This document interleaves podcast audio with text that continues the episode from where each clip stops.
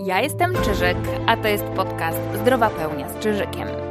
Uwaga do wszystkich, którzy kochają wolność, którzy nie godzą się już na płacz i cierpienie, którzy mają dość bycia ofiarą wszelkich obciążeń i mają w sobie odwagę oraz zuchwałość, by to zmienić. Może utknąłeś w jakimś obszarze życia, może w związku, może w karierze, w biznesie, w rodzicielstwie, a może w dołującym obrazie siebie lub świata. Ale czujesz, że masz w sobie więcej, że zasługujesz na więcej, że jesteś więcej i że żyjesz po to, by w świecie tworzyć więcej. Że masz w sobie tę lepszą, pełniejszą, szczęśliwszą wersję siebie i od jakiegoś czasu robisz naprawdę dużo. Szukasz najlepszego sposobu, żeby tym więcej być. Gratulacje, znalazłeś i Twoja droga do zdrowej pełni przyspiesza właśnie z tego miejsca. Od 2000 roku psychologicznie pracuję z ludźmi. Pokazuję, jak z laserową precyzją oczyścić pamięć komórkową z blokujących cię obciążeń, byś i ty mógł robić siedmiomilowe kroki do twojej zdrowej pełni, czyli takiego miejsca w tobie, w świecie, gdzie żyjesz życiem, które kochasz, w którym kochasz i które naprawdę ma znaczenie. A teraz robię coś, o czym wcześniej nikt nie słyszał. W tym podcaście uwalniam sekretną wiedzę, do której do tej pory tylko nieliczni mieli dostęp. Dzielę się z Tobą tajnikami mojej pracy z ludźmi, pokazuję Ci od kuchni, jak działa pamięć komórkowa i jakie jej obciążenia podcinają Ci skrzydła. Zabieram Cię za kulisy sukcesu innych bohaterów zdrowej pełni, byś wiedział, co takiego zrobili i co Ty możesz zrobić, by łatwo sięgnąć po Twoje więcej subskrybuj podcast, bądź na bieżąco i ruszaj ze mną do Twojej zdrowej pełni. W końcu Ty jesteś bohaterem tej drogi, a ja przewodnikiem, który Ci tę drogę ułatwia.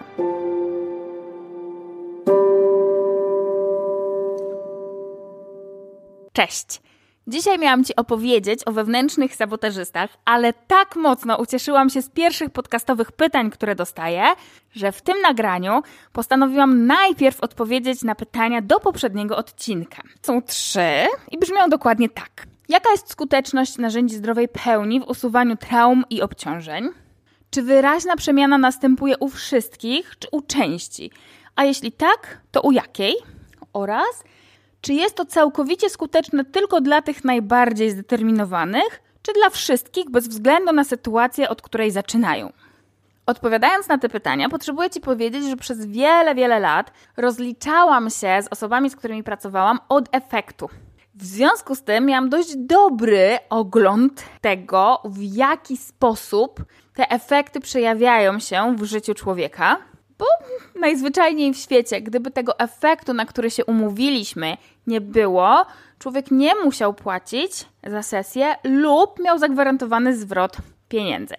Rozliczałam się tak przez wiele lat, aż do czasu pandemii, kiedy to się okazało, jakie dodatkowo systemy telekomunikacyjne musiałabym wdrożyć, aby zgodnie z literą prawa móc o taką gwarancję zadbać. Jak zobaczyłam, jakie prawnie musiałabym spełnić kryteria, to uznałam, że okej, okay, dobra, może jednak nie na teraz, ale nie zmienia to faktu, że przez wiele, wiele lat w ten sposób się rozliczając, miałam bezpośrednie, bardzo szybkie informacje zwrotne od ludzi. I bazując na tych doświadczeniach, mogę spokojnie powiedzieć, że skuteczność narzędzi zdrowej pełni w tym obszarze, z jakim ludzie się do mnie zwracali, jest bardzo wysoka. Co nie oznacza, że nigdy się nie zdarzyło, żeby tego efektu nie było, ale to jest naprawdę promil przypadków.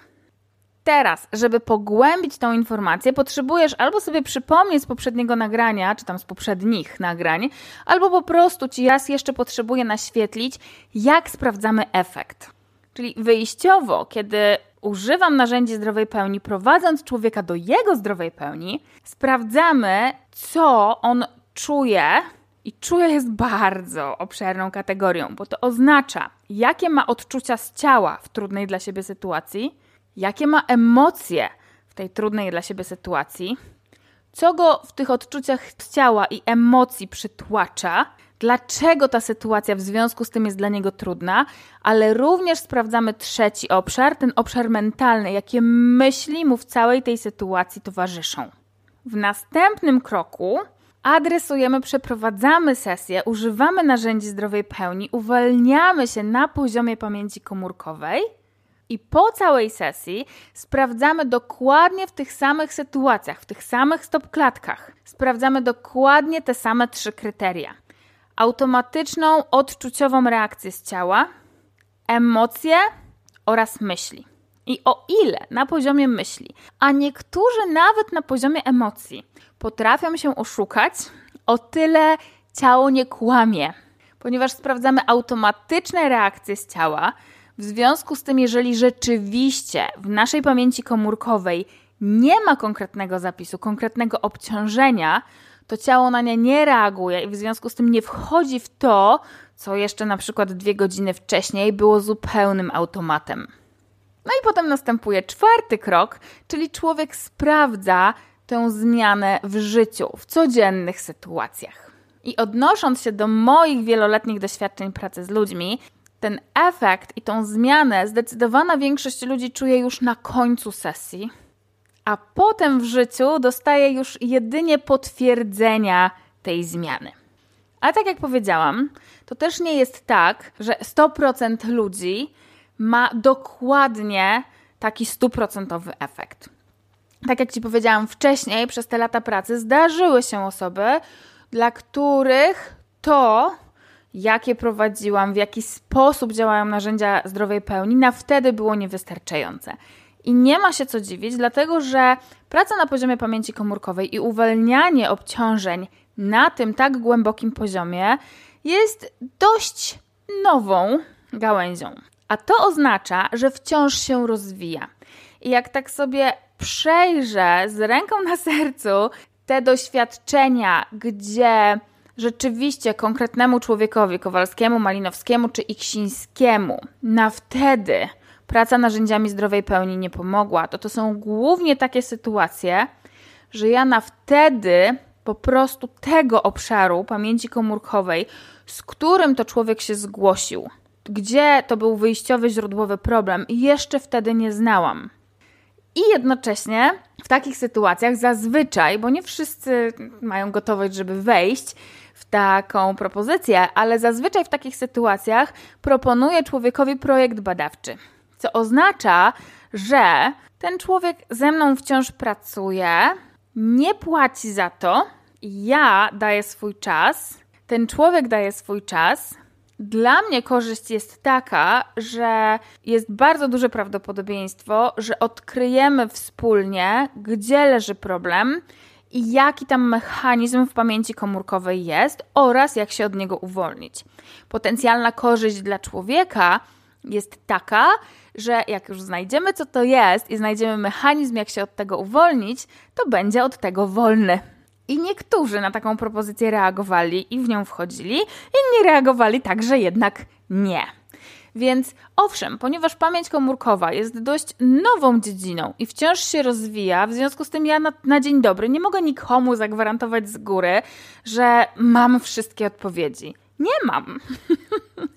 Wielu kwestii jeszcze nie dotknęłam w tej pamięci komórkowej i jeśli zgłasza się do mnie człowiek, z takim kawałkiem, którego ja jeszcze nie znam, to przynajmniej to, co mogę zrobić, to ten kawałek rozpoznać i powiedzieć wprost człowiekowi, że na ten moment nie mam narzędzi i na ten moment w zakresie narzędzi zdrowej pełni nie ma tego rozwiązania, którego on szuka.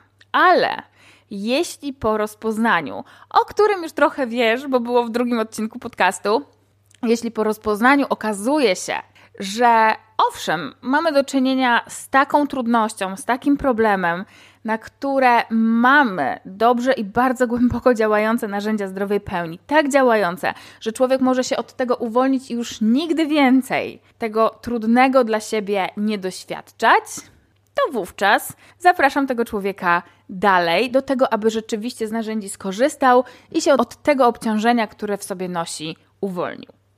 I kiedy mówimy o realnych efektach uwolnienia, to nie sposób pominąć jednej, nie wiem czy częstej, ale na pewno widocznej od czasu do czasu tendencji. Bywa tak, że czasem człowiek podchodzi do swojego uwolnienia i do swojej transformacji z założonym efektem w głowie. Przykładowo, pracowałam z kobietą, która się do mnie zwróciła dlatego, że chciała uratować swoje małżeństwo. Co więcej, kiedy o tym mówiła, to mówiła, że ona za wszelką cenę uratuje swoje małżeństwo. Sytuacja wyglądała tak, że na wtedy mieli małą, prawie dwuletnią córeczkę i wyszło, już tak nie wchodząc w szczegóły, jak wyszło, ale generalnie wyszła historia zdrady jej męża. W związku z tym i ona, i w ogóle cały ich związek, i cała ta trzyosobowa rodzina przechodziła przez bardzo trudny czas. Ona wewnętrznie zdeterminowana, że uratuje to małżeństwo, uratuje tę rodzinę za wszelką cenę. Kiedy spotkałyśmy się i kiedy zaczęłyśmy sprawdzać, co tak naprawdę ją w tej sytuacji obciąża, jakie treści i jakie programy w sobie ona nosi, które wpływają nie tylko na tę sytuację, ale w ogóle na całą dynamikę jej związku i w ogóle związków, bo we wcześniejszych też ta dynamika była podobna. I kiedy ona zaczęła się od tego uwalniać, i te programy już po prostu jej nie dotyczyły, to efekt był taki, że ona zdecydowała się zakończyć ten związek i jednocześnie zrobili to w taki sposób, bardzo pokojowej, otwartej, partnerskiej atmosferze, tak, żeby najlepiej jak mogli zadbać o swoją córkę.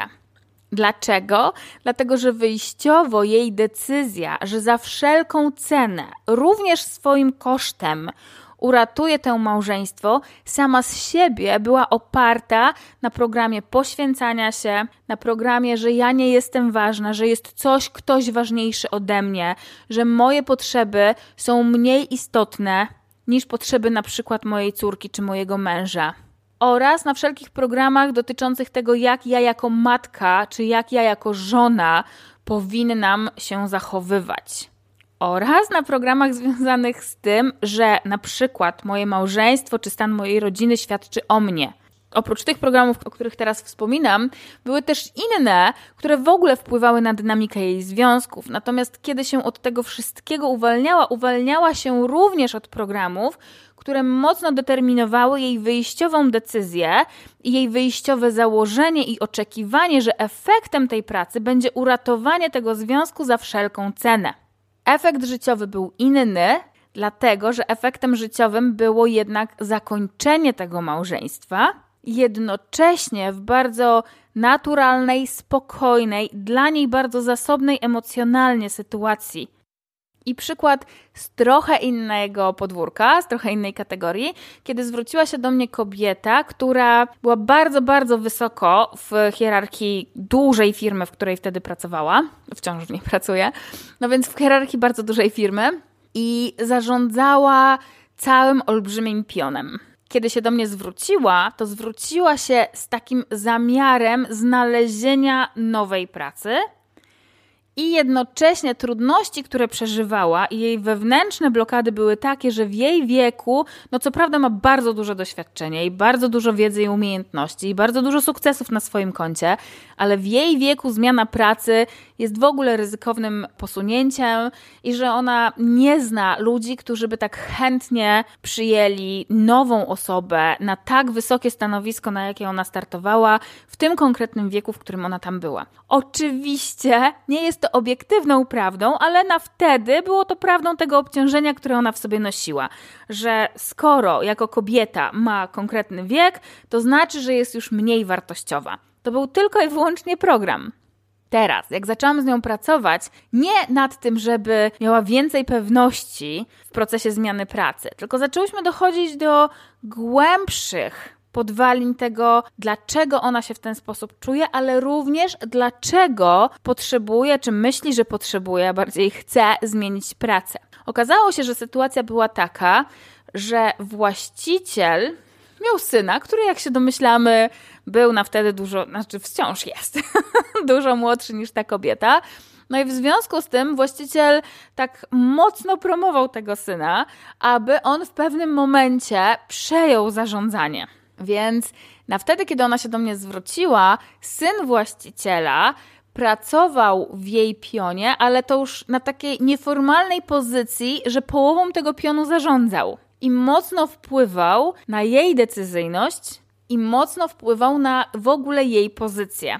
I ona, podejmując decyzję, że chce zmienić tę pracę, podejmowała ją dlatego, że ten program, że ona się czuje już w ogóle pomijana, nieszanowana, że przychodzą młodsi, lepsi, oraz takie programy związane z tym, że nikt nie szanuje jej dokonań, bo tutaj jakiś młody tylko i wyłącznie dlatego jest tak wysoko, że jest synem właściciela. Wszystkie te rzeczy powodowały, że ona z dnia na dzień czuła się tam coraz gorzej, i dla niej na wtedy wydawałoby się naturalnym działaniem było zmiana pracy. I jak zaczęłyśmy sprawdzać, co jest pod spodem, które konkretne programy tam się aktywują, że ona w ten, a nie w inny sposób działa, w ten, a nie inny sposób się czuje. Jak ona zaczęła się od tego wszystkiego uwalniać, to efekt jest taki, że ona do tej pory pracuje w tej firmie, do tej pory zarządza tym działem, do tej pory jest, znaczy działem całym wielkim pionem, do tej pory jest mocno z tego zadowolona, ale efekt taki natychmiastowy wręcz po tej jej pracy, po tym jej uwolnianiu był taki, że ona zaczęła z tym człowiekiem,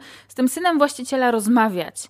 I okazało się, że kiedy ona się na to otworzyła bez tych obciążeń, okazało się, że stała się jego mentorem, że tak naprawdę on wiele się od niej uczył i zaczęli współpracować.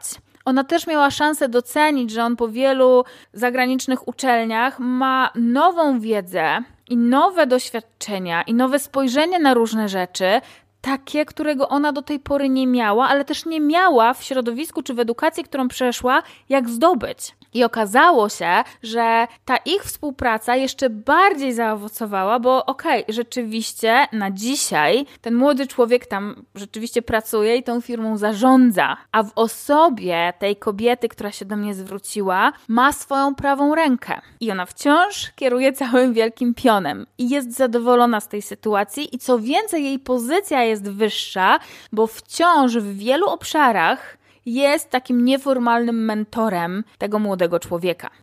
I opowiadam Ci o tych sytuacjach dlatego, że czasem bywa tak, że człowiek osiąga efekt, czyli jego praca na poziomie uwolnienia pamięci komórkowej przyniosła skutek. On się rzeczywiście od czegoś uwolnił, ale w jego wewnętrznym odczuciu to nie taki efekt miał być. To nie tak się miało skończyć. Na przykład ta kobieta z pierwszego przykładu mogłaby powiedzieć: No, ale ja chciałam zostać, ja chciałam zostać w tym związku, ja chciałam, żeby ten związek dalej mógł istnieć a nie istniał. Ona co prawda tak nie powiedziała, dlatego że zajęłyśmy się tymi jej obciążeniami bardzo szeroko, w związku z tym również zaadresowałyśmy tam wszelkie programy, które mogłyby włączyć jej coś takiego, że nawet jeżeli ona decyduje, że chce postawić na siebie i nie godzi się trwać w związku, który nie patrzy na jej potrzeby, w którym musiałaby siebie ograniczać, to mogłoby być tak, że gdybyśmy zostawili kilka tych obciążeniowych programów, to ona mogłaby wyjść z tego związku i jednocześnie czuć poczucie winy w stosunku do dziecka, w stosunku do oczekiwań społecznych. Mogłaby czuć się z tym efektem źle ponieważ jednak bardzo szeroko zadbałyśmy o cały ten proces i o tą jej transformację, więc ona takiego efektu nie miała ale jest potencjalnie takie, w cudzysłowie, zagrożenie, że efekt, który człowiek osiąga w życiu na bazie swojej transformacji i zmiany, będąc innym od tego, niż sobie zakładał w momencie, kiedy miał ten obciążeniowy program, człowiek zawsze może na to popatrzeć z rozczarowaniem i powiedzieć sobie: Ojejku, to nie tak miało być. Generalnie ta praca i to uwolnienie pamięci komórkowej to o kant rozbić. I myślę sobie, że żeby ci to jeszcze dokładniej unaocznić, będzie lepiej, jak ci przedstawię Agnieszkę. Agnieszka jest jedną z bohaterek zdrowej pełni. Agnieszka też bardzo, ale to bardzo uczciwie w stosunku do siebie podeszła do swojej transformacji, do swojej wewnętrznej zmiany. I jak posłuchasz Agnieszki, to możesz zauważyć w jej opowieści i te efekty w kontekście jak się czuła, i te efekty w życiu, co rzeczywiście się zmieniło. Mam nadzieję, że po tej opowieści będziesz mieć więcej swoich osobistych spostrzeżeń albo swojego pomysłu na to, jak rzeczywiście narzędzia zdrowej pełni działają i w jaki sposób efekt Twojej transformacji widać na co dzień. Bo ty w ogóle już byłaś w takiej sytuacji, że już się chwaliłaś i opowiadałaś znajomym, więc... Tak, jak najbardziej, jak najbardziej Cię chwalę i tutaj każdego namawiam, kto no, ma odwagę, żeby się zmierzyć ze swoimi traumami, żeby jednak to zrobił i uwolnił się od tego i zaczął żyć. Super. Super, to zaczynając z tego kawałka, tak jakby wiesz, robiąc krok do tyłu, bo coś się działo w Twoim życiu, że się zdecydowałaś, żeby do mnie napisać, potem, żeby się ze mną dzwonić, żeby w ogóle zacząć ze mną pracować. W jakim Ty byłaś momencie, jak zaczynałaś te pierwsze kroki do swojej zdrowej pełni robić?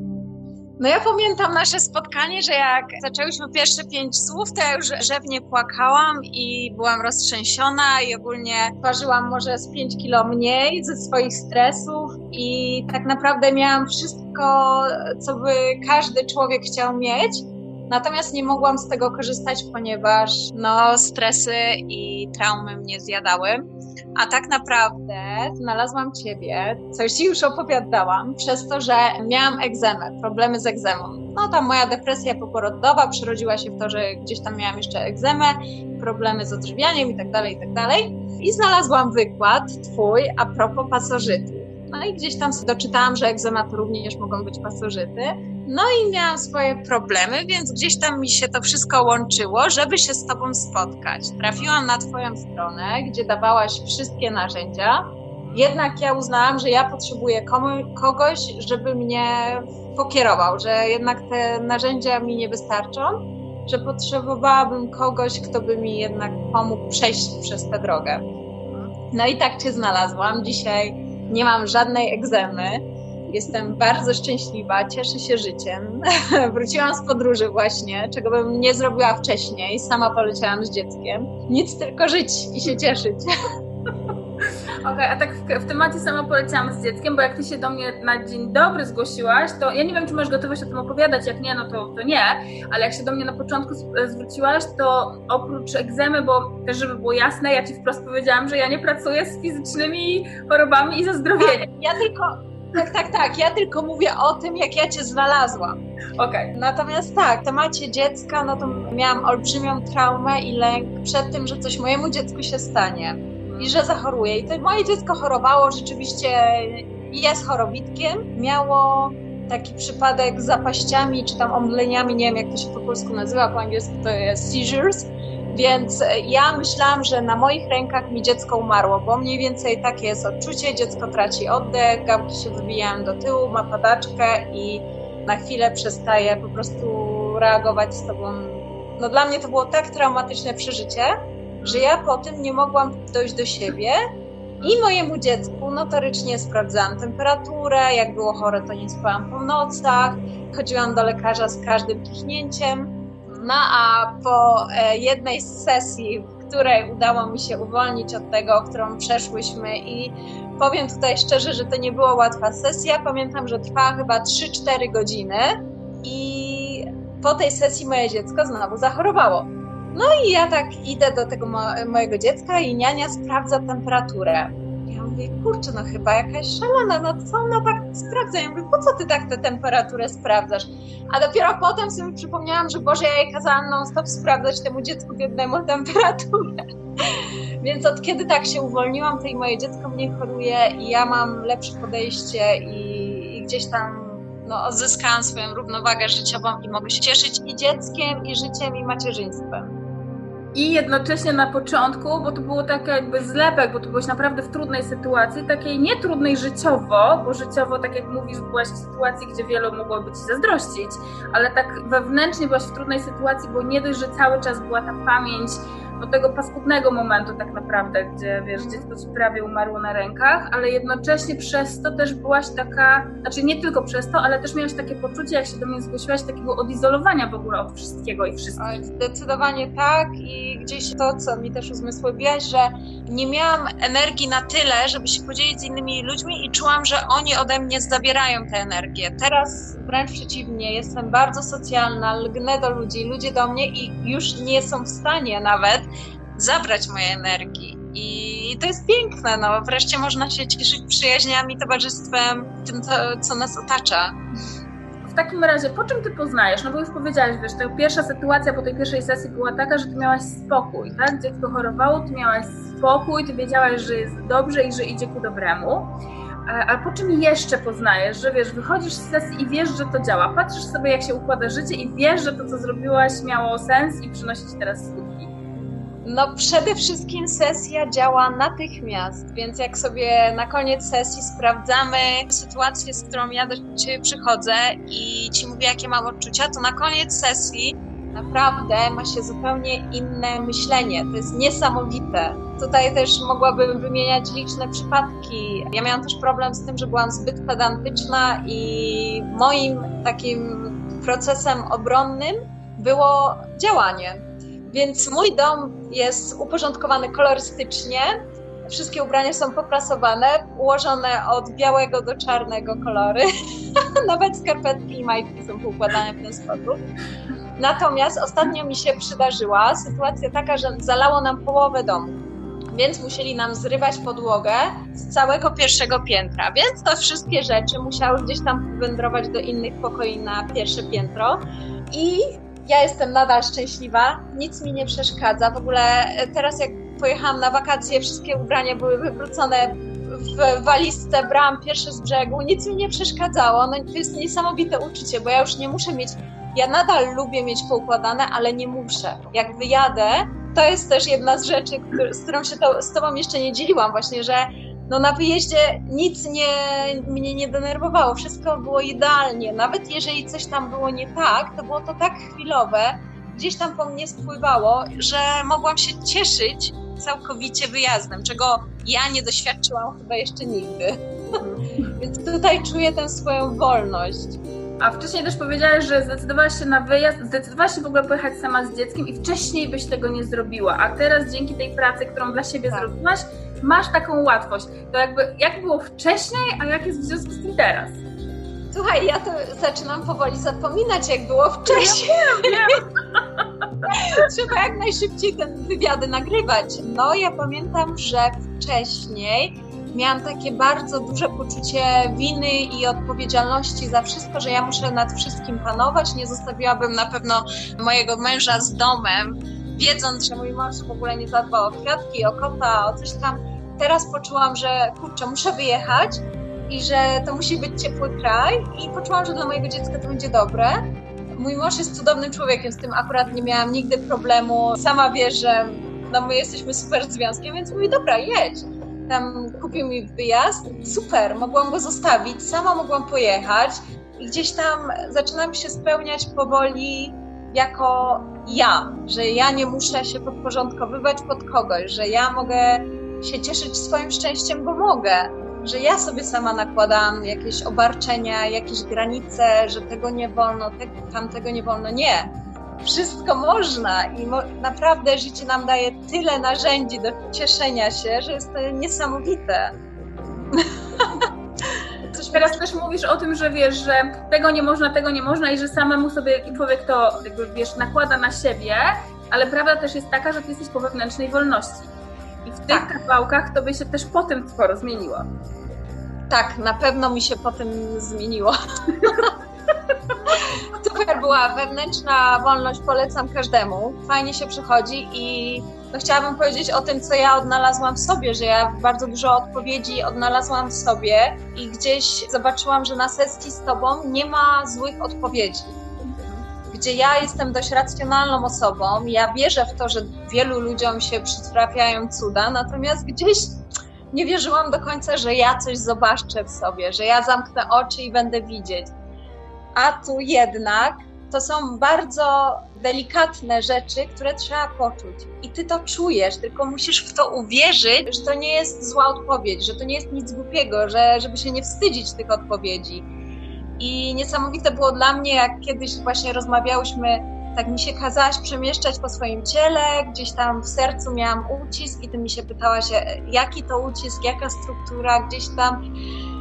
I wszystko, co ci mówiłam, to ty mi powiedziałaś, że o, ty mi odpowiedziałaś, co to znaczy, natomiast te odpowiedzi de facto miałam w sobie, przez to, że my teraz mamy tabletkę, nie wiem, na ból głowy, na ból serca, na bezsenność, to my gdzieś tracimy możliwość samoleczenia, a tak naprawdę trzeba zacząć od wnętrza, trzeba zacząć od tego, co się czuje i nie ma tam złych odpowiedzi, tam są te odpowiedzi. Tylko trzeba uwierzyć, że każdy ma tę moc, żeby był w stanie to zrobić. Nie stresować się tym, że jest to pierwsza sesja, że nie wejdę w sesję, że tu na pewno trzeba czuć coś wielkiego, bo telewizja nas uczy, że jak masz wizję, to widzisz wszystko jak idealnie musi być tak jak na obrazku i tak będzie i tak dalej. Nie, jeżeli masz wizję, gdzie nawet przy ostatniej sesji z tobą, że zjeżdżałam windą w głąb siebie, i tak sobie mówię, kurczę, chyba nic nie widzę. I nagle, bum, coś mi się pojawiło. No i jak ci zaczęłam opowiadać, to okazało się, że to jest to, co powinno być. Na początku sobie myślałam, a może moja głowa poszła do bajek mojej córki i tak dalej. A tu jednak była, to była moja wizja i to, było, to nie była zła odpowiedź, więc na sesję z tobą, ktoś, kto by miał zacząć, to ja bym poradziła tylko tyle, żeby mówić dokładnie wszystko, co się czuje. Nie ma złych odpowiedzi, nie ma dziwnych wizji słabych albo że nie będzie, będą, tylko trzeba się spokojnie, to co widzisz, to widzisz. Jak widzisz czarno, to widzisz czarno, to mówisz Monice, że widzisz czarno. I trzeba naprawdę iść szczerze za tym, co się widzi. I to jest niesamowite, niesamowite, naprawdę. W tym temacie też mam do Ciebie pytanie, bo Ty masz tak naprawdę porównanie. Ty jak do mnie przyszłaś, to Ty już byłaś po pracy w klasycznej terapii. Tak. I w związku z tym masz porównanie i tu, i tu, tak z perspektywy doświadczeń i tutaj, i tutaj. Czy nawet nie, nie bardzo, żebyś oceniła jedno czy drugie, tylko tak właśnie z perspektywy wewnętrznych doświadczeń.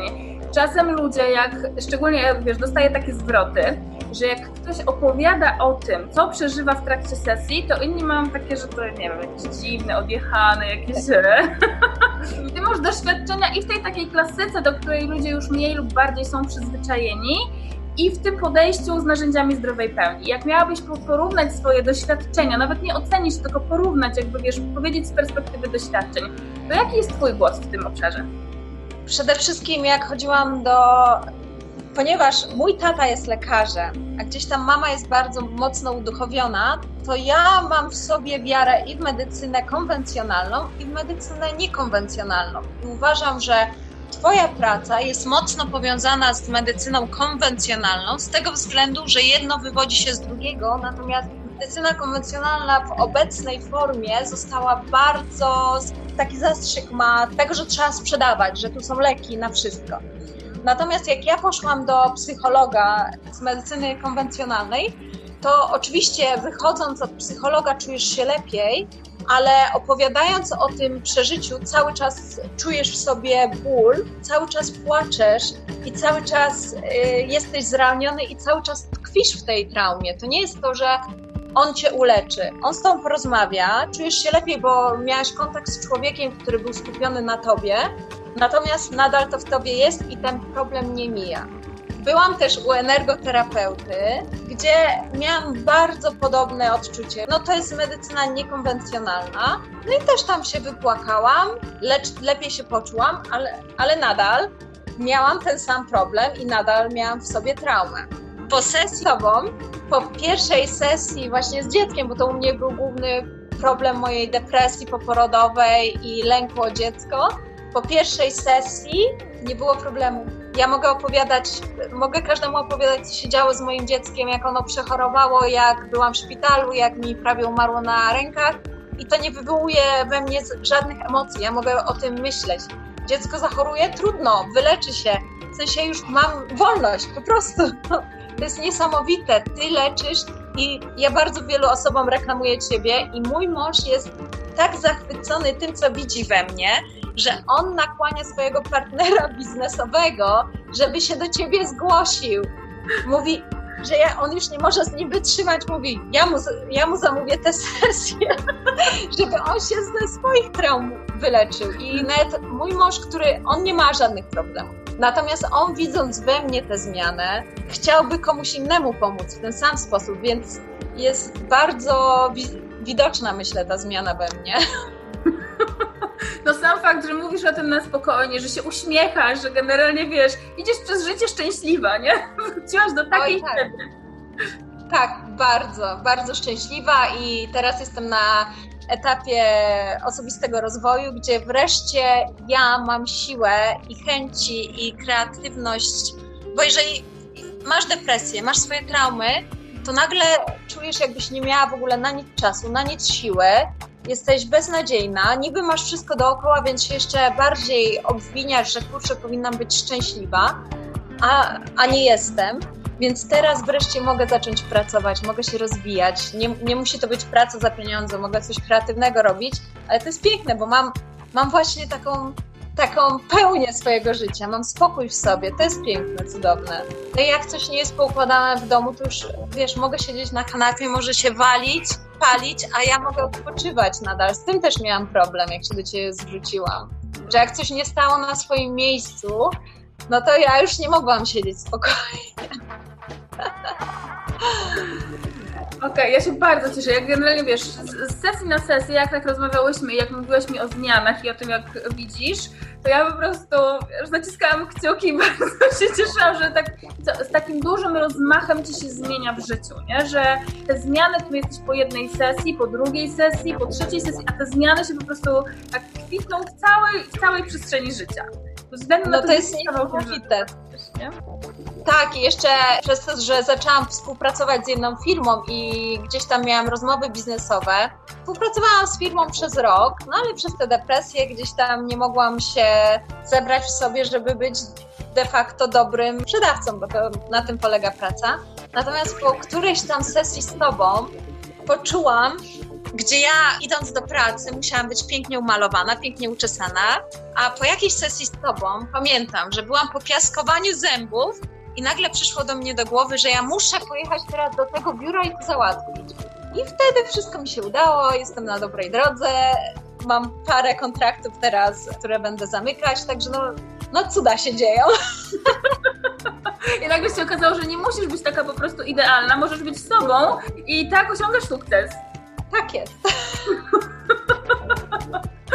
Okej. Okay. Ty masz też specyficzne doświadczenie, jeżeli chodzi w ogóle o ten sukces taki, taki biznesowy.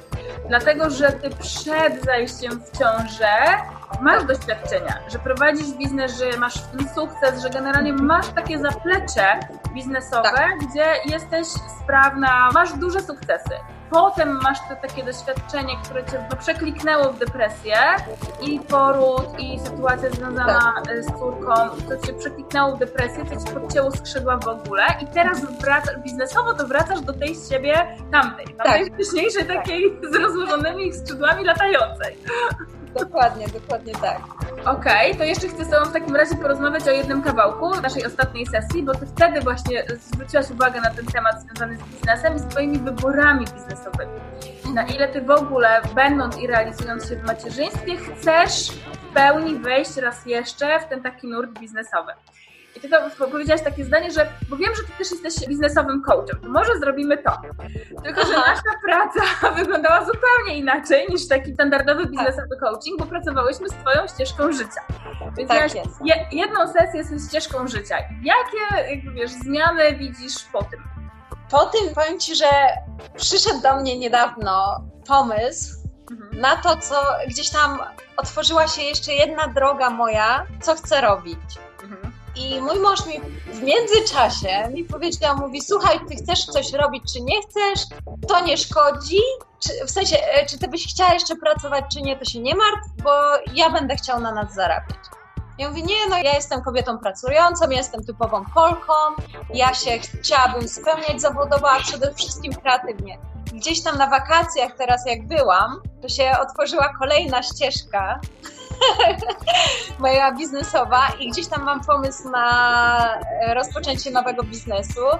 Mąż mnie oczywiście wspiera w tym wszystkim, więc gdzieś tam z każdej strony coś do mnie przychodzi, ktoś do mnie zadzwoni, coś nowego się wydarzy. Także super, super, jestem otwarta na wszystko, natomiast gdzieś już mi się klaruje, co to do końca będzie. Jak czasem ja opowiadam ludziom, jak to jest być na swojej optymalnej ścieżce życia, jak mówię, ja zazwyczaj mówię coś takiego, że wtedy masz takie poczucie, że właśnie jest flow, że się łatwo układa, że jesteś w takim miejscu, gdzie masz być z tymi ludźmi, których masz być, ale jak człowiek jest na nieoptymalnej ścieżce życia i tak czuje te tarcia w życiu, to do niego to nie za bardzo trafia. Ty masz porównanie, bo ty byłaś i na tej nieoptymalnej ścieżce i od tak. jakiegoś czasu kroczysz optymalną. Jak ty to wewnętrznie dla siebie czujesz? Jak kroczysz optymalną ścieżką życia, to jesteś w takim dobrobycie i to nie chodzi o materialny, ale energetycznym. jesteś, na pewno przyciągasz ludzi do siebie, bo ja widzę, jak ludzie reagują na mnie i ja na nich, więc się przyciągacie, gdzieś tam jest dobra energia, ale oni ci nie zabierają tej energii i czujesz wewnętrzny spokój przede wszystkim nie stresujesz się na zapas. Wiadomo, że przy obecnej sytuacji tutaj z koronawirusem to nie jest tak, że ja sobie tylko siedziałam, tylko wszystko przebadałam sobie w internecie, zobaczyłam co i jak. To nie jest tak, że niczym się nie przyjmujesz zupełnie. Oczywiście trzeba jakiś zdrowy rozsądek zatrzymać. Natomiast czujesz się połączona z naturą przede wszystkim. Ja to bardzo mocno czuję. Ja czuję, jak jestem połączona z naturą. A jak byłam nie, na nieoptymalnej ścieżce, to czujesz się jakbyś był zamknięty w pokoju, w jakiejś klatce, mimo że jestem dokładnie w tej samej sytuacji i finansowej, i życiowej, a życie mi się zmieniło zupełnie o 180 stopni. Bardzo dobrze się tego słucha. Super się tego słucha.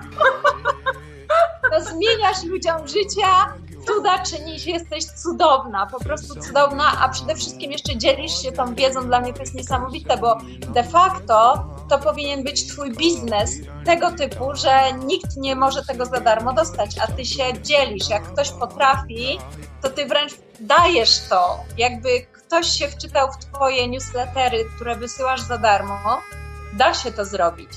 Także jesteś niesamowita. Ja chylę się, chylę czoło po prostu to, co robisz. Jesteś cudowna. Bardzo dziękuję i jednocześnie jest tak, że jakby w naszej relacji to nie ja Ciebie leczę, ja Ci tylko pokazuję drogę i Ty tak naprawdę zrobiłaś tę pracę dla siebie, bo Ty też na początku powiedziałeś, że ta pierwsza sesja, gdzie wzięłyśmy na warsztat najtrudniejsze rzeczy, które Ci się wtedy działy, ona wcale nie była dla Ciebie łatwa. To nie jest tak, że jakby wiesz, ja przyszłam i generalnie pozamiatałam się tam trzeba i teraz proszę na czysto, nie? Ty to, no tak, tak to nie, dla siebie nie jest łatwe. No. Trzeba się otworzyć, trzeba, trzeba być gotowym na to, żeby zmienić swoje życie. Sesje nie trwają krótko, co też jest niesamowite, bo to jest Twój czas. Ty poświęcasz swój czas, swoją energię. I ty ze mną wałkujesz temat, dopóki ty nie jesteś na 100% pewna, że ja jestem już w dobrym miejscu. Bo czasem ty mi wcześniej mówiłaś, że już jest dobrze. Że już jest dobrze, ale ty mówisz, a to zobaczymy z tej, z tamtej, z drugiej, z trzeciej i gdzieś tam dociekasz tego, masz swoje narzędzia, którymi możesz dociec, czy to już jest to, czy jeszcze nie.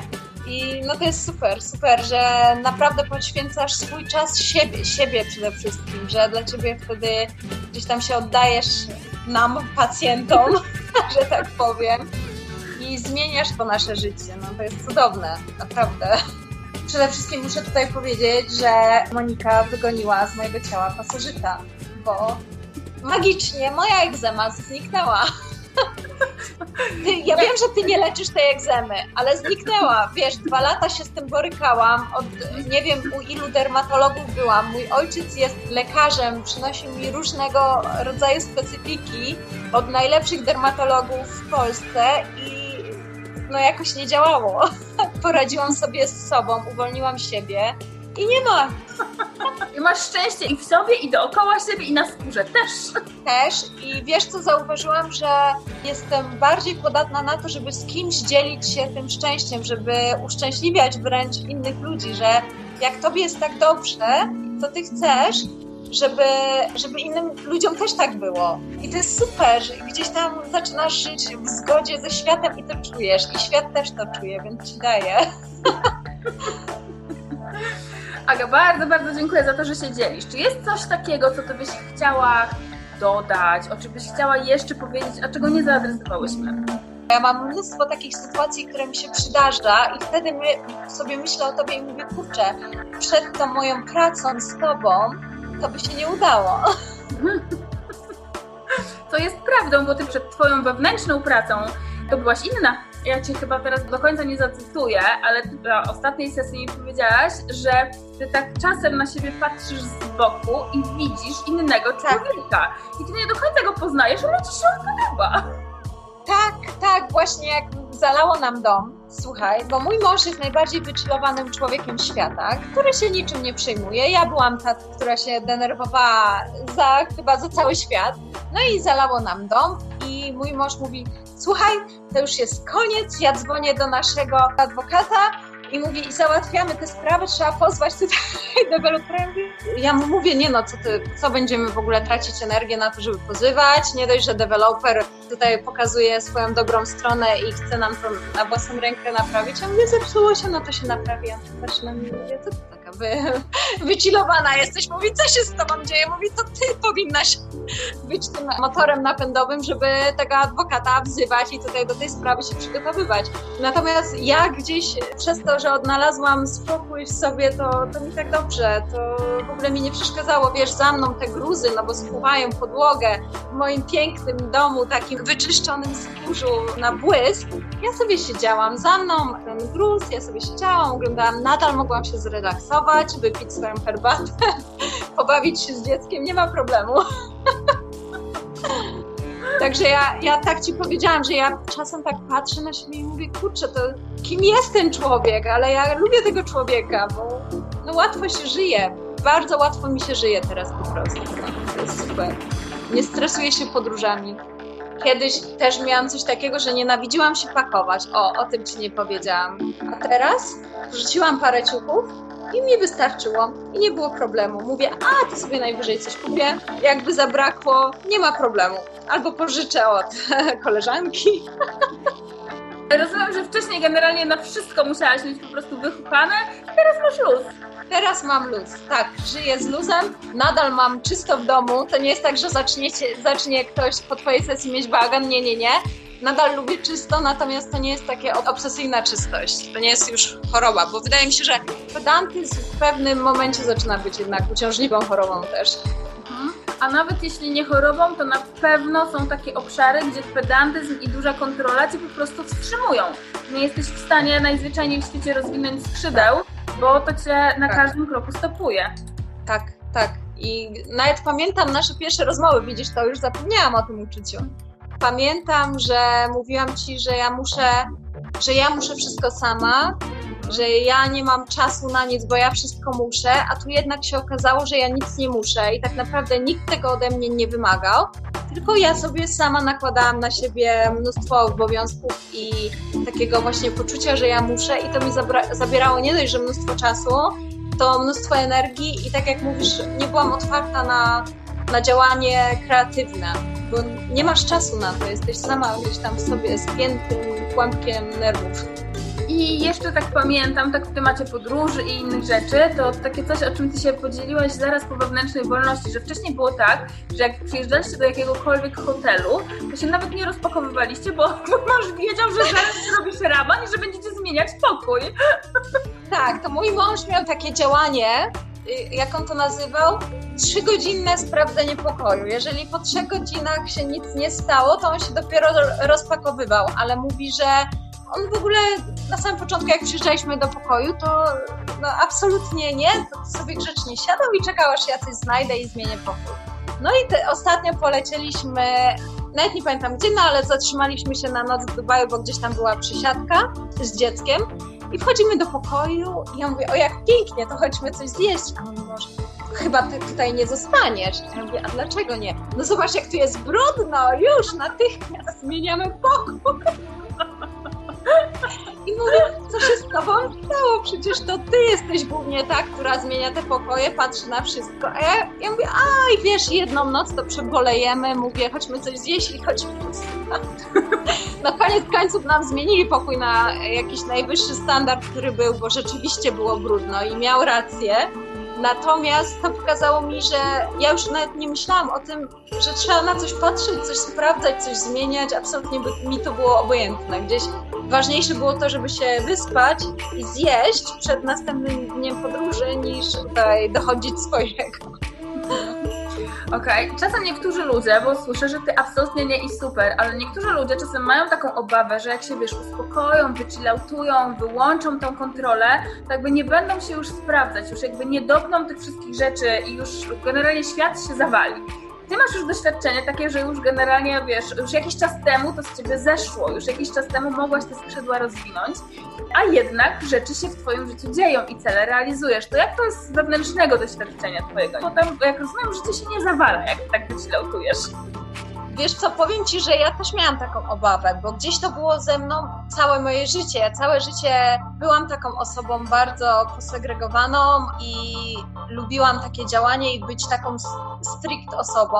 Mhm. Jednak takie życie jest bardzo stresujące i ciężkie i teraz, mając luz wewnętrzny, to co ja cały czas powtarzam, że de facto nie zmieniło się to, co lubię, bo nadal lubię, e, jak jest, tak jak ma być, natomiast mi nie przeszkadza, jak jest inaczej. Nie zawala się mój świat. To nie jest tak, że wszystko jest postawione na tym, że ma być tak, jak powinno. Nawet jak nie jest, to ja nadal mogę realizować swoje rzeczy, swoje plany i chyba to jest najlepsze sformułowanie. Nie zawala się mi świat, bo kiedyś mi się zawalał po prostu, jak mała rzecz była nie tak. To, co mogę powiedzieć, to polecam.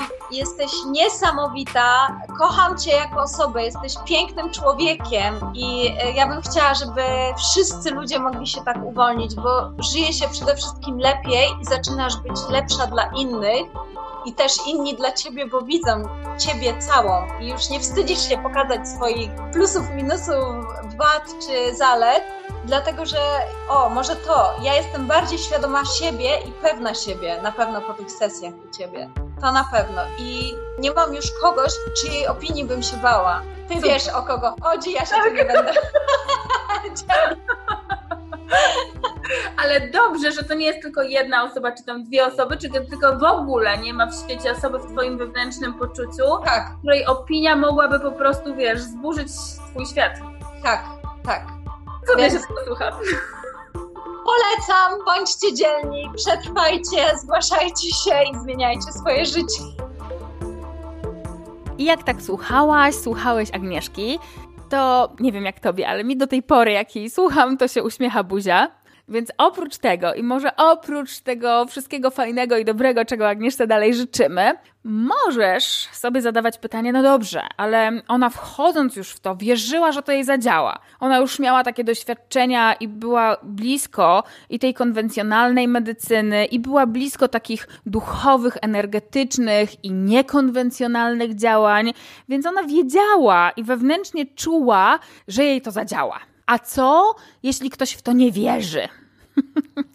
no i teraz wychodząc naprzeciw takiemu potencjalnemu pytaniu. Tak, rzeczywiście. Ja się czasem śmieję, że jakby mieć tak metaforycznie określić, czym narzędzia zdrowej pełni są, to gdyby wziąć naukę oraz gdyby wziąć duchowość i one by się ze sobą spotkały, zakochały się w sobie i miały dzieci, to te dzieci to są właśnie narzędzia zdrowej pełni. Więc rzeczywiście może się wydawać, że Agnieszka, która miała dostęp i do jednej, i do drugiej gałęzi, i do duchowości, i tego niekonwencjonalnego podejścia, oraz do nauki i medycznego konwencjonalnego podejścia, może się wydawać, że jej z narzędziami zdrowej pełni oczywiście musiało być wyjściowo łatwiej. A co jeśli ktoś w to nie wierzy, albo ma tylko i wyłącznie dostęp do jednej z tych gałęzi, albo w ogóle do żadnej? Co wtedy? Okazuje się, że narzędzia zdrowej pełni działają trochę jak grawitacja. Nie musisz w nią wierzyć, a jak podskoczysz, to spadniesz. No chyba, że jesteś w tym naprawdę promilu populacji, która potrafi lewitować. Ale jeśli nie, to jak podskoczysz, to z powrotem na ziemię spadniesz. Dlatego, że grawitacja działa bez względu na to, czy o niej wiesz, czy nie wiesz, czy w nią wierzysz, czy nie wierzysz, jaki jest w ogóle Twój osobisty stosunek do grawitacji. Z narzędziami zdrowej pełni jest dokładnie tak samo. Różnica natomiast jest w tym, jak ludzie sobie tłumaczą efekt. I pozwól, że również podzielę się z Tobą dwoma historiami osób, z którymi pracowałam. Tym razem obie historie dotyczą mężczyzn. Jeden z nich zgłosił się do mnie dlatego, że od lat miał takie poczucie, że mu po prostu jest trudno być asertywnym że są takie obszary, szczególnie w pracy, że on potrafi powiedzieć nie, postawić na swoim, ochronić swoje granice i mu tam nikt nie będzie z buciorami wchodził. Ale jak to dotyczyło życia osobistego, szczególnie jak dotyczyło relacji z kobietami. I to nie musiały być wcale jego partnerki, to po prostu była kobieta, która prosiła o pomoc, to żeby się waliło, paliło, żeby miał nie dospać, żeby miał zrezygnować z różnych rzeczy, które dla niego były ważne, po prostu był, pomagał. No i teraz 10 lat nad tym pracował. Przechodził przez wiele treningów asertywności. Kiedy się do mnie zgłosił, Pierwsza rzecz, pierwsza, którą w ogóle zaadresował, pierwsza, o której powiedział, to było właśnie to, że to mu tyle zjada czasu, emocji i tyle tak naprawdę on wie, ile poświęca i jeszcze sobie po prostu potem wyrzuca. Przecież on wie, jak odmówić, przecież on to potrafi robić, bo w pracy nie ma z tym problemu. A tutaj ciocia zadzwoniła, żeby on gdzieś tam pojechał do miasta kilkaset kilometrów dalej odebrać coś i on pojechał. I żeby tam pojechać, musiał zrezygnować, znaczy nie musiał, ale podjął taką decyzję zrezygnował z wyjazdu, z długiego weekendu, z wyjazdu, na który był umówiony i na który się cieszył i czekał, ale zrezygnował i pojechał, żeby przywieźć jakiś sprzęt dla cioci. I takich sytuacji wymieniał na pęczki. No i teraz robimy dokładnie to samo. Sprawdzamy najpierw, jakie programy, jakie obciążenia są w nim zapisane, które on nosi, że w takich sytuacjach, kiedy widzi lub słyszy głos kobiety, którego prosi, to nieważne z czego by zrezygnował, rezygnuje i ma wewnętrzny z tym zgrzyt, jest mu z tym źle. Jak to namierzyliśmy? Jak on się od tego uwolnił? To nasze następne spotkanie, po prostu pytam, co zaobserwował w życiu. I on mi mówi tak. Wiesz, w sumie to nie wiem, czy te sesje działają, czy nie. No bo, no bo w sumie to, wiesz, no co, trochę tutaj posiedziałem, postukałem, trochę tutaj sobie coś wyobraziłem, ale tak naprawdę to jedyne dobre, co się zdarzyło, w trakcie tej sesji, to że ja to ci wszystko opowiedziałem i ja, jak wychodziłem z tej sesji, sobie uświadomiłem, że no przecież no to jest dokładnie tak, jak ci powiedziałem, przecież ja umiem odmawiać, to dlaczego ja tego nie robiłem wcześniej? Przecież ja, jak jestem w pracy, to ja wiem, co powiedzieć. Co więcej, przecież ja miałem tyle tych treningów, ja wiem nawet jak to powiedzieć, żeby kogoś nie zranić. No ja sobie musiałem to po prostu uświadomić. I jak sobie to uświadomiłem, to rzeczywiście miałem taką sytuację, że siostra mnie poprosiła o co. No już nie pamiętam o co, on mi wtedy opowiedział o co, ale teraz już nie pamiętam że siostra mnie poprosiła z takim założeniem, że ja to zrobię. Ona nawet nie przyjmowała żadnego innego scenariusza, ona wiedziała, że ja to zrobię. Ona już sobie wszystko zaplanowała, tak mnie włączając w ten jej plan. A ja bardzo grzecznie, ale stanowczo, tak żeby jej nie urazić, powiedziałem jej, że nie i powiedziałem jej, kiedy ewentualnie i na jakich warunkach mogę jej pomóc. I ona była w takim szoku. A widzisz, wystarczyło, że ja sobie o tym opowiedziałem i wystarczyło, że ja sobie uświadomiłem, że przecież ja to umiem robić, bo ja to przecież w pracy robię. I to była jego perspektywa sytuacji to, czego ta perspektywa nie zauważyła, to to, że on przez 10 wcześniejszych lat próbował to zmienić, mając teoretycznie te same zasoby, no bo przecież w pracy potrafił. Co więcej, już wtedy był po tych treningach asertywności. On wiedział, jak to zrobić. Różnica była taka, że sesja, którego uwolniła od obciążeń, jakie w swojej pamięci komórkowej nosił, po prostu zostawiła go z zasobami bez tych obciążeń. I dzięki temu jego odmawianie w tych sytuacjach, które kiedyś były nie do pomyślenia, teraz stało się łatwe.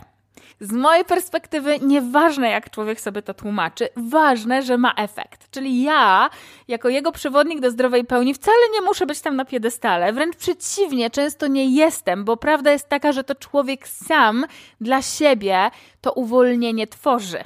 Ja pokazuję drogę. Więc jeśli on w ten sposób sobie tłumaczy swoje dokonanie, proszę bardzo. To jest dokładnie ta sytuacja, że jeśli nie wiesz lub nie wierzysz w grawitację, to wcale nie znaczy, że ona dla ciebie przestanie działać. Podobna sytuacja, tym razem w kontekście biznesowym, kiedy zwrócił się do mnie człowiek, który od trzech wcześniejszych lat miał dylemat, co tak naprawdę zrobić, dlatego że pracował w firmie, którą rozwijał i która na początku, kiedy ją tworzył, była takim jego oczkiem w głowie i takim kierunkiem, który był bardzo zbliżony do jego pasji. I on naprawdę chciał w tym kierunku iść, ale w trakcie okazało się, że to mu zabiera tyle czasu i wymaga od niego takiej gotowości i takiego całkowitego bycia w tym, że musiał zrezygnować z innych rzeczy, które dla niego były ważne. I on cały czas miał wewnętrzny dylemat, co on tak naprawdę by chciał robić. Gdzie jest taki kierunek jego działania, że on by integrował wszystkie jego pasje. A tymczasem miał takie poczucie, że okej, okay, dobra, świetnie zarabia, jest dobrze, no i to jest nawet coś, co on lubi. Co prawda, w trakcie przez trzy lata się to trochę pozmieniało i to nie jest już aż takie, co on lubi, ale no też nie jest jakoś mocno daleko od tego, co on lubi, więc da się przeżyć. I jednocześnie miał takie poczucie, że z dużego kawałka siebie rezygnuje. I trzy lata nosił się z tą decyzją. Trzy lata nie wiedział, co zrobić. Trzy lata próbował różnych wątków. Jak się trochę odklejał od tej swojej pracy, był tam mniej, ale więcej miał czasu na pasję, to potem miał wyrzuty sumienia, że tam x rzeczy podupada, albo nawet jeżeli nie podupada, no to pańskie oko konia tucze, a jego tam nie ma.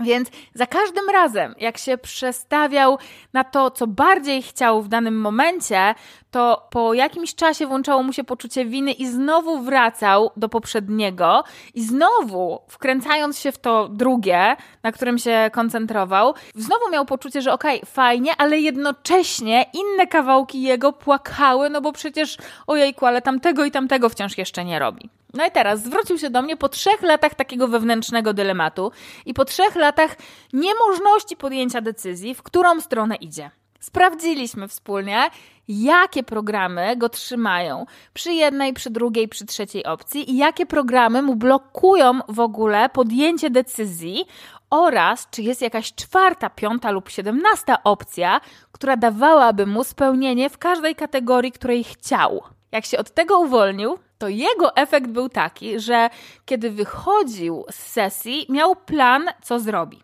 I ten jego plan nastawiał się na zupełnie inną, czwartą opcję.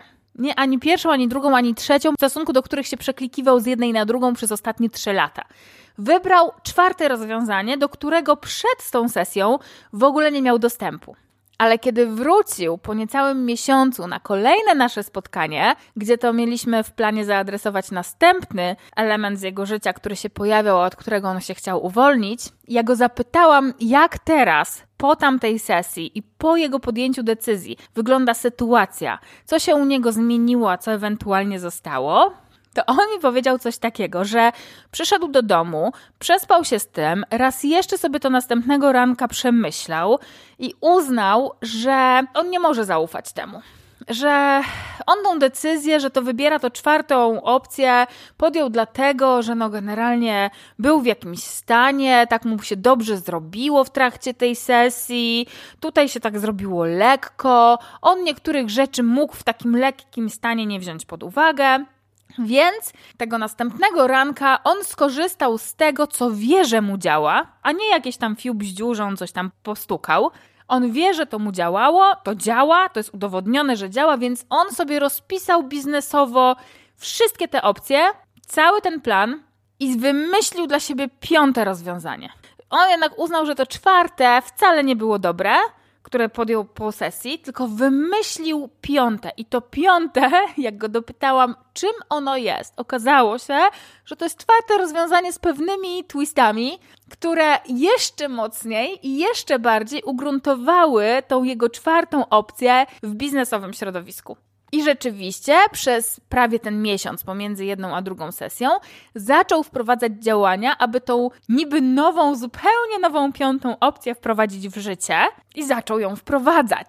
Czyli tak naprawdę zaczął wprowadzać tą czwartą opcję, ale jeszcze bardziej ugruntowioną biznesowo. I znowu, z jego perspektywy, to nie ta sesja, nie to żadne uwolnienie, nie żadne to, że mu się tak lekko zrobiło, to w ogóle to nie miało absolutnie na to wpływu z jego perspektywy to, co zadziałało, to jego biznesowe narzędzia, że on sobie usiadł i to wszystko rozpisał, bo to działa. Wszystko inne nie działa, ale to działa. Znowu, to co pominął w tej perspektywie, to fakt, że tymi biznesowymi narzędziami dysponował już od lat, a przez trzy wcześniejsze lata miotał się pomiędzy decyzją i pomiędzy trzema tylko opcjami, które widział i przeklikiwaniem się w tych opcjach po sesji i po tym, jak się uwolnił, wykorzystał zasoby, które ma, wykorzystał swoją wiedzę biznesową i bez obciążeń podjął decyzję i wręcz sobie biznesowo to wszystko rozpisał, jak to teraz ma być.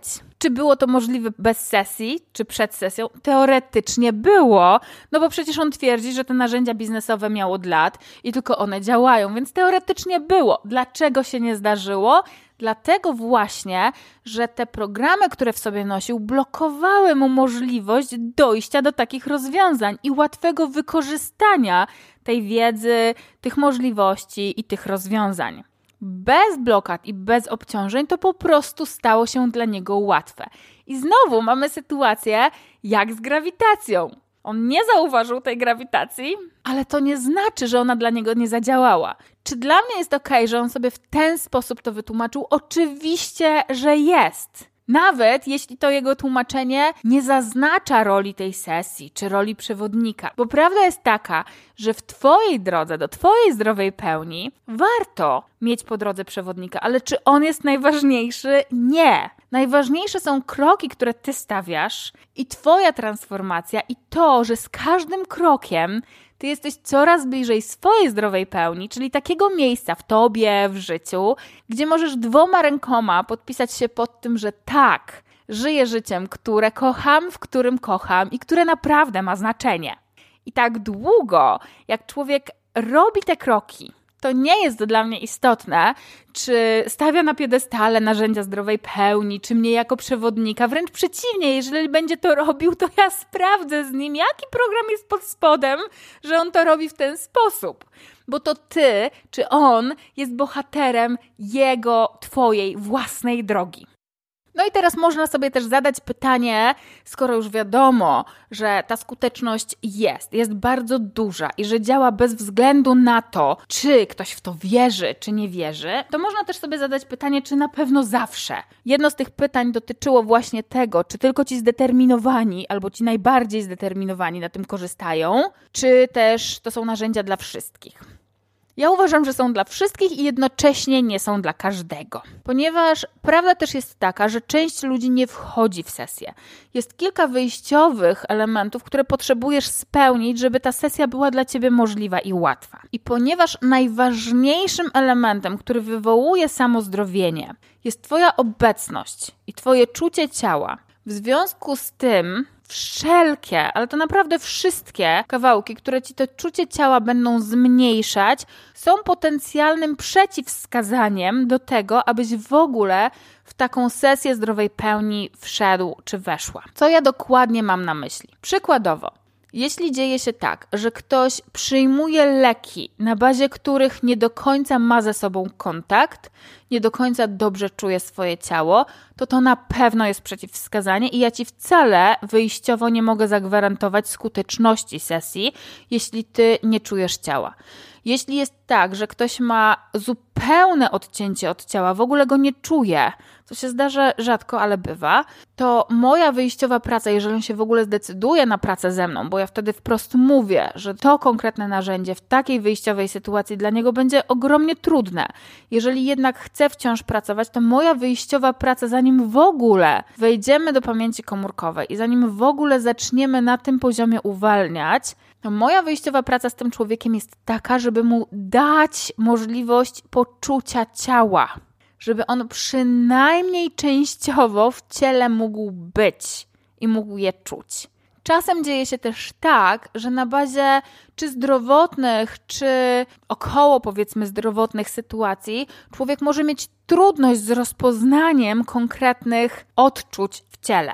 Przykładowo, jak mi się zdarzyło kiedyś pracować z kobietą, która była w trakcie menopauzy i która między innymi miała bardzo silne wybuchy gorąca, które się działy akurat na wtedy, działy się bardzo często, regularnie i jednocześnie, kiedy pracowała w trakcie sesji, to jednym z jej objawów, takich sytuacyjnych z ciała, były też takie jakby ogniska pożarów w jej ciele. Jej trudno było rozpoznać, po prostu najzwyczajniej w świecie nie wiedziała, nie czuła, też nie czuła różnicy. Dlatego trudno jej było rozpoznać, czy jeśli po uwolnieniu się, na końcu sesji wciąż czuła te pożary, to był to efekt tego, że coś się jednak nie uwolniło, czy był to efekt przechodzonej menopauzy. I takie pomieszanie z poplątaniem, co z czego wynika i na co tak naprawdę moje ciało reaguje. Czy to jest w ogóle stan, który wynika z czegokolwiek innego, czy to jednak jest część tej sesji, bardzo, ale to bardzo mocno utrudniło jej pracę. I ona w pewnym momencie, ponieważ sama nie wiedziała, jak się w tym znaleźć i nie miała takiego sposobu na odczucie, ona w pewnym momencie zaprzestała tej pracy narzędziami zdrowej pełni na prawie 3 lata aż kiedy jej sytuacja hormonalna była inna, wróciła do tych narzędzi i wtedy z łatwiejszym rozpoznaniem mogła rzeczywiście się od następnych połaci obciążeń uwolnić. I mówię Ci o tym dlatego, żeby tak być w pełni transparentną. To nie jest tak, że to jest dla wszystkich i zawsze. Znaczy inaczej, no. ja uważam, że to jest dla wszystkich, bo wszyscy mamy te same mechanizmy w obszarze naszej pamięci komórkowej, ale rzeczywiście może nie być dla każdego. Taki wyjściowy warunek, który potrzebujesz spełnić, to jest przynajmniej minimalne czucie Twojego ciała, żebyś mógł, żebyś mogła z sukcesem i z dobrym efektem z tej sesji zdrowej pełni i z narzędzi zdrowej pełni skorzystać. Zostaje pewnie jeszcze odpowiedzieć sobie na pytanie, z czego wynika, że narzędzia zdrowej pełni są aż tak skuteczne. To jednak zostawimy sobie na inne nagranie tego podcastu, a dzisiaj bardzo Ci dziękuję, że jesteś. Bardzo dziękuję za Twoją uwagę. Bardzo dziękuję za Twoją ostatnią godzinę i trochę naszego wspólnego czasu. Mam nadzieję, że dzięki temu wiesz lepiej, jakie efekty dla Ciebie narzędzia zdrowej pełni i uwolnienie się na poziomie pamięci komórkowej mogą przynieść, lub po prostu jakie efekty przynoszą innym bohaterom, którzy już po tej ścieżce do zdrowej pełni kroczą. Jeśli natomiast Ty chcesz sprawdzić, ile dla Ciebie dobrego narzędzia zdrowej pełni przynieść mogą, to zapraszam Cię ciepło do grupy facebookowej GPS do zdrowej pełni, gdzie jak klikniesz na widok przewodników, znajdziesz nagrane live'y, w których to dzielę się z Tobą podstawowymi narzędziami, w jaki sposób możesz uwolnić się od zapisu traumy pokoleniowej, czyli takiej traumy, którą chcąc nie chcąc dziedziczysz w genetycznym rodowym spadku. Tymczasem trzymam za Ciebie kciuki i do zobaczenia na wspólnej drodze do zdrowej pełni. Tymczasem mam nadzieję, że ten wspólny czas przybliżył Cię jeszcze bardziej do wiedzy, że trwanie w życiowym utknięciu to największa głupota. Traumy i obciążenia zabijają marzenia, a pełne i na stałe uwolnienie od nich Twojej pamięci komórkowej jest najlepszą drogą do Twojej zdrowej pełni. Ja trzymam zatem kciuki za Twoje kolejne siedmiomilowe kroki do Twojej zdrowej pełni czyli takiej przestrzeni w tobie, w świecie, w której możesz się dwoma rękoma podpisać pod tym, że tak, żyjesz życiem, które kochasz, w którym kochasz i które naprawdę ma znaczenie.